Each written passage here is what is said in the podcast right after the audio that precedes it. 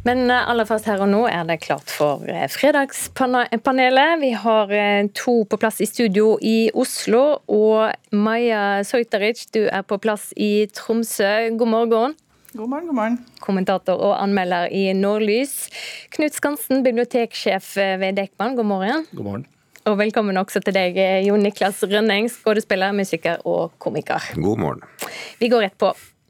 Det er blitt flere som ønsker å fjerne tatoveringene sine. Det er det flere klinikker rundt om i landet som merker. Hos Drammen laserklinikk så kan de ha så mange som 15 personer som er innom hver eneste dag for å få tatt bort det som virker som en god idé der og da. Våkna jo opp litt fyllesyk og dårlig og tenkte hva faen gjorde jeg i går? Skal vi bare slutte med å tatovere oss? Nei. Ja, men Maja? Nei. OK, Jon Niklas. Hvorfor det? Jeg, det, jeg, jeg veldig, altså Alle har sine interesser, og jeg har full respekt for alle som tatoverer seg. Det har aldri vært så interessant uh, for meg på en eller annen måte. For altså, jeg, jeg, vet på en eller annen tid i livet så kommer jeg til å angre på det, tror jeg. Men det kan jo være at jeg hadde en sånn kompis som da gjorde det, akkurat som det klippet vi hørte nå. Han, uh, han reiste til Rådås på guttetur, 18 år gammel. og Han er, ganske, sånn, han er ikke noe sånn uh, harrytass i det hele tatt, men han endte da opp på byen ganske beruset og våknet opp neste dag med tatovering av en ørn på ryggen. Og da hadde han brukt skulderbladene, det var vingene til ørnen. da. og han kom jo da hjem så skamfull, og så har jeg tatt en tatovering. Den var ikke liten, det var hele ryggen. Og jeg husker veldig godt at, at uh, han fortalte meg at han hadde vist det til moren sin, og det var første gangen han hadde sett moren gråte. Så, så han brukte da ca. 2500 på å tatovere i fylla, og 30 000 kroner da på 90-tallet til å fjerne den, og det er ganske mye. Og moren spyttet i minst halvparten. ja, Maja, hva mener du? Nei, altså jeg er jo prinsipielt imot å fortelle folk hva de skal gjøre sånn med sine egne kropper personlig. Eh, men jeg tenker også det er jo kunst uh, og håndverk. altså Noe er det selvfølgelig bare sånn tull, sydenfylla og alt det der. men en god del av de her menneskene som tatoverer folk, er jo kunstnere på ekte. altså Det er liksom for hver som sagt, for hver Munch så har du ti uh, Martinsen som ikke kan tegne.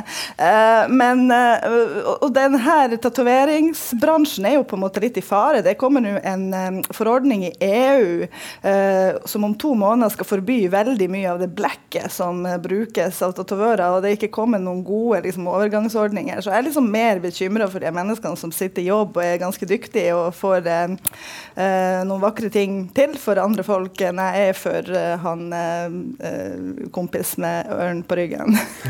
er det kunst?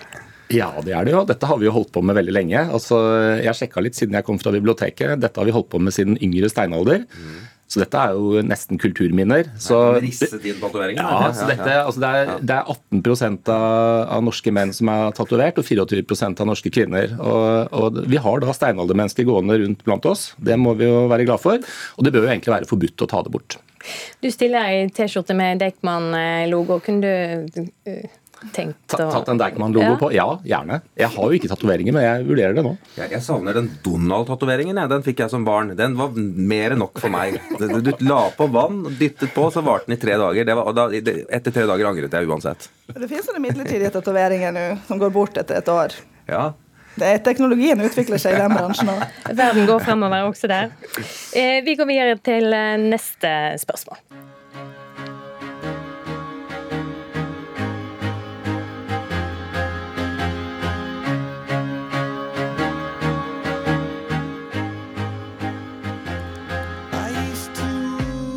Ja, Kjent uh, låt der for mange.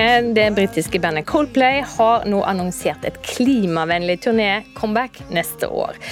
De har planer om å ta med seg store bærbare batteri som skal forsyne konsertarenaene med strøm. I tillegg skal de bruke panel og kinetiske golffliser som faktisk fanger opp energien fra publikum når de danser. Og spørsmålet er er dette grønnvasking, Maja? Tja Nja ja. ja takk, begge deler. Nei. Nei, sier jeg. Maja, vær så god. Altså, eh, det, altså, Jeg tror det her er et ektefølt initiativ. Eh, og at det, at det her er de her store bandene som går på turné, som kommer til å føre an denne teknologiutviklinga og innovasjonen som trengs for å få uh, turnévirksomhet til å være mer miljøvennlig. Mens det er jo litt gimmicky. det er jo litt sånn her, De skal ha sykler der, og folk skal sykle og lage energi som skal liksom fyre opp og ordne med de, altså Lysene går ut hvis folk ikke hopper hopper og sånt. Det, liksom, det, er det som er uh, jippoet rundt det. Det som er problematisk her, uh, eller ikke problematisk, men uh, denne bransjen uh, reiser mye. Altså det reises mye. Coldplay kommer til å reise masse med fly. Folk som kommer til å dra på de konsertene, reiser veldig mye. Så veldig mye av de utslippene som de i utgangspunktet kunne gjort noe med, som har direkte innvirkning på klima og miljø, kan de jo egentlig ikke gjøre noe betydningsfullt med uten å la være å turnere. Uh, så jeg er liksom sånn der på, på gjerdet. Altså, hvis ikke Coldplay gjør det, så hvem skal gjøre det? Uh, men samtidig så er det jo unektelig noe veldig mm, PR-jippo-aktig over det. Kunne, kunne, du ha gjort eh, tatt grep? Ja, altså, det er jo veldig deilig selvfølgelig hvis alle publikum kom til oss hele tiden når vi slapp å turnere. Da hadde vi vært veldig miljøbevisste. Men kanskje det er bedre, bedre at fire i bandet reiser enn 2000 eh, publikummere hele tiden overalt. Men, eh, til, men jeg, jeg synes det er interessant, det der, for jeg syns jo uansett hva som er grunnen bak om du sier PR-jippo eller ikke, jeg syns det er flott at Coldplay retter fokus mot å gjøre det. Altså, jeg tenker det eneste, Når det gjelder gjenvinning og resirkulering, det eneste norske artister har gjort, er jo å synge gamle sanger. Og det er jo Det er bra at noen tar grep på en eller annen måte og gjør det. Og jeg tenker litt sånn Målet helliger middelet på en eller annen måte. da, at eh, Det er litt sånn som eh, de som er vegetarianere og som spiser da erstatningsburger. Så Hvorfor spiser du ikke bare vanlig burger hvis du uansett liker smaken? Men det hjelper miljøet. Så hvis dette hjelper miljøet, så kjør på Coldplay. Jeg, syng, jeg, jeg syns ikke han resirkulerer noen gamle sanger òg. Det, det, er nydelig. ja, jeg er, helt, jeg er helt enig. Og, og, jeg tenker eh, det er nok av ord om dagen og ikke så mye handling, så de burde ta seg en tur innom Glasgow òg, tror jeg. Men, men, hvis du går inn på websiden deres og sjekker litt, så er det ganske, det, det er ganske brede tiltak, vil jeg si. Altså Selv om det selvfølgelig er mye markedsføring i dette her, så de, dette batteriet de har utviklet, da, det, det er basert på resirkulerte gamle BMW-batterier. Så, så, det er i hvert fall en vilje og sikkert en god intensjon. Og så tror jeg det at eh, målgruppa deres og alle som følger med, de, de legger merke til det og, og, ser at vi må leke, lete til løsninger. Og det er fint, det. Vi trenger det. Det skal sies at Coldplay ikke har turnert på fire og et halvt mm. år fordi de ikke ønska å tilføre mer klimagasser i mm. atmosfæren. Mm. Og forrige turneen deres tjente en halv milliard dollar, så på en måte altså De har jo tapt penger på å være prinsippfast i fire og et halvt år, for å si det sånn. Uh, ja, så jeg, jeg håper håper at jeg er bare litt kynisk. Samtidig har de kanskje musklene som skal til, da. For å ja. Det er noe med det. Og jeg tenker målgruppe og det å nå ut med et budskap, uh, det tror jeg er viktig akkurat nå. Mm. Vi går videre. Vi er, eh, har starta på november, eller eh, Movember, for de som lar barten gro for å få oppmerksomhet om menn og kreft. Ja, det er litt bart å se i studio her. ja, jeg er konstant eh, Movember, egentlig. Ja. Men det er fint, for det minner meg om den, den viktige kampanjen som Kreftforeningen har for tiden. Ja, ja for kunstnere det uttrykker jo gjerne følelser i bilde, musikk, film, bøker. Men mange menn syns det er vanskelig å snakke med andre om hvordan de egentlig har det. Eller er det sånn? Er det lettere for menn å la barten gro enn å snakke om, eh, om eh, følelser, Knut? Ja. Maja? Ja. Jo Niklas? Ja. Det, der er vel samstemte hele gjengen, tror jeg. ja. Dette har du dukka litt ned i. Jeg har, jeg har, skrevet en sang for Kreftforeningen har en kampanje som heter Menn snakk om det. Så Trond Hansen og jeg skrev en sang til den fordi de har et veldig viktig fokus, nemlig at menn er dårlige til å snakke om både symptomer på kreft, gå og sjekke seg hos legen, de holder det inne, snakker heller om andre ting, og, og ofte om senskader etterpå. Så, så, jeg skrev jo da til den kampanjen Menn snakk om det, så har jeg skrevet en sang som egentlig er en forsvarstale da, på en eller annen måte. Ja, vi snakker egentlig om alt mulig, vi menn, da. Eller, eller gjør vi det? Det er noen som hevder, sånn helt kort fortalt, at vi menn har problemer med å prate om alt. Ja, at vi ikke er åpne, er det mange som tror, men vi kan snakke om alt mellom himmel og jord. At vi holder ting inne, er en kjent teori, men det syns jeg er litt urettferdig å si. Vi snakker gjerne om Birken igjen og igjen, og om pizza og pølser og poker og PlayStation 5. Ja, Vi kan snakke i timevis, gjerne på bar, om Solskjær og Haaland og bruken av VAR. Ja, vi menn prater gjerne om blytunge ting, som korsbåndskaden til Joshua King. Og på guttetur langt fra familie og hjem, da dukker de vanskelige spørsmålene frem. Som hvem har billetten, og hvor er det fest? Og dagen derpå så er spørsmålet hvem som drakk mest. Og når det kommer til øl, lar vi samtalen gå om trippelhopp IPA og belgisk seså, og vi prater om matlaging svært detaljert, om kortreiste lam som er langtidspressert. Ja, vi menn viser bredde, det er ikke tvil. Vi kan snakke om alt ifra fotball til bil, og at Teslaen vår kostet en drøy million, og at vi neste år kanskje får råd til en ladestasjon.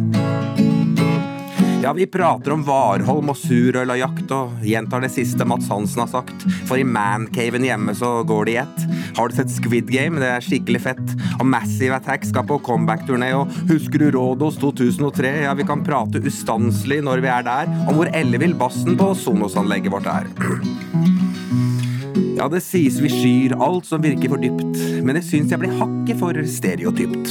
For vi snakker om klokker og droner og spill og Truls à la Hellstrøm, Lars Monsen og grill. Selv om kvinner vil si at det lett koker ned til ting som kan kobles til USB-C, så er det en myte. Det er rett og slett galt. For vi menn kan heldigvis prate om absolutt alt. Nesten, da. Maja, du er musikkanmelder. Hva syns du? Det her var jo strålende. Terningkast seks. Det var vakkert sagt. Ja. Hvordan føler du det? Det, det føltes, nå kan jeg snakke om det. Ja, Det, det føles uh, godt, og, godt og egentlig lett, rette fokus på det. Jeg hadde selv en farfar som døde av kreft 49 år gammel.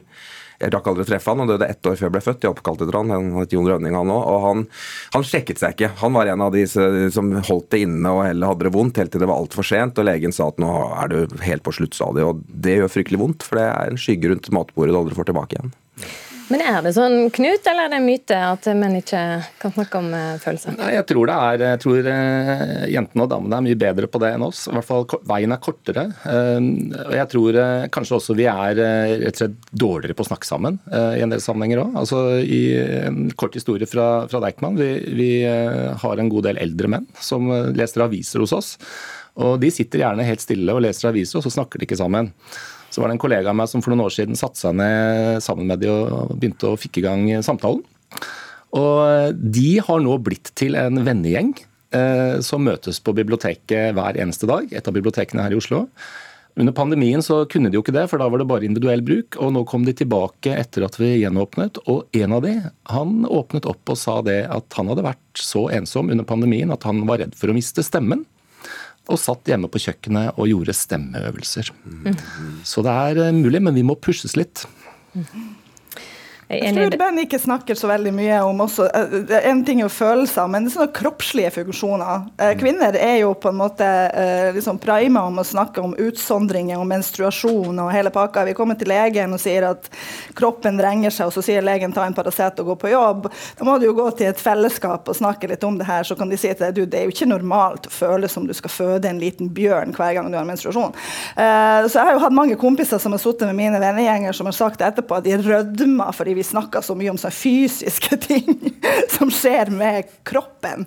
Uh, og det tror jeg også er liksom sånn Det er jo én ting å snakke om følelser, men det er jo lov å snakke om kroppen uten at det er spøk eller humormateriale også for menn. Mm.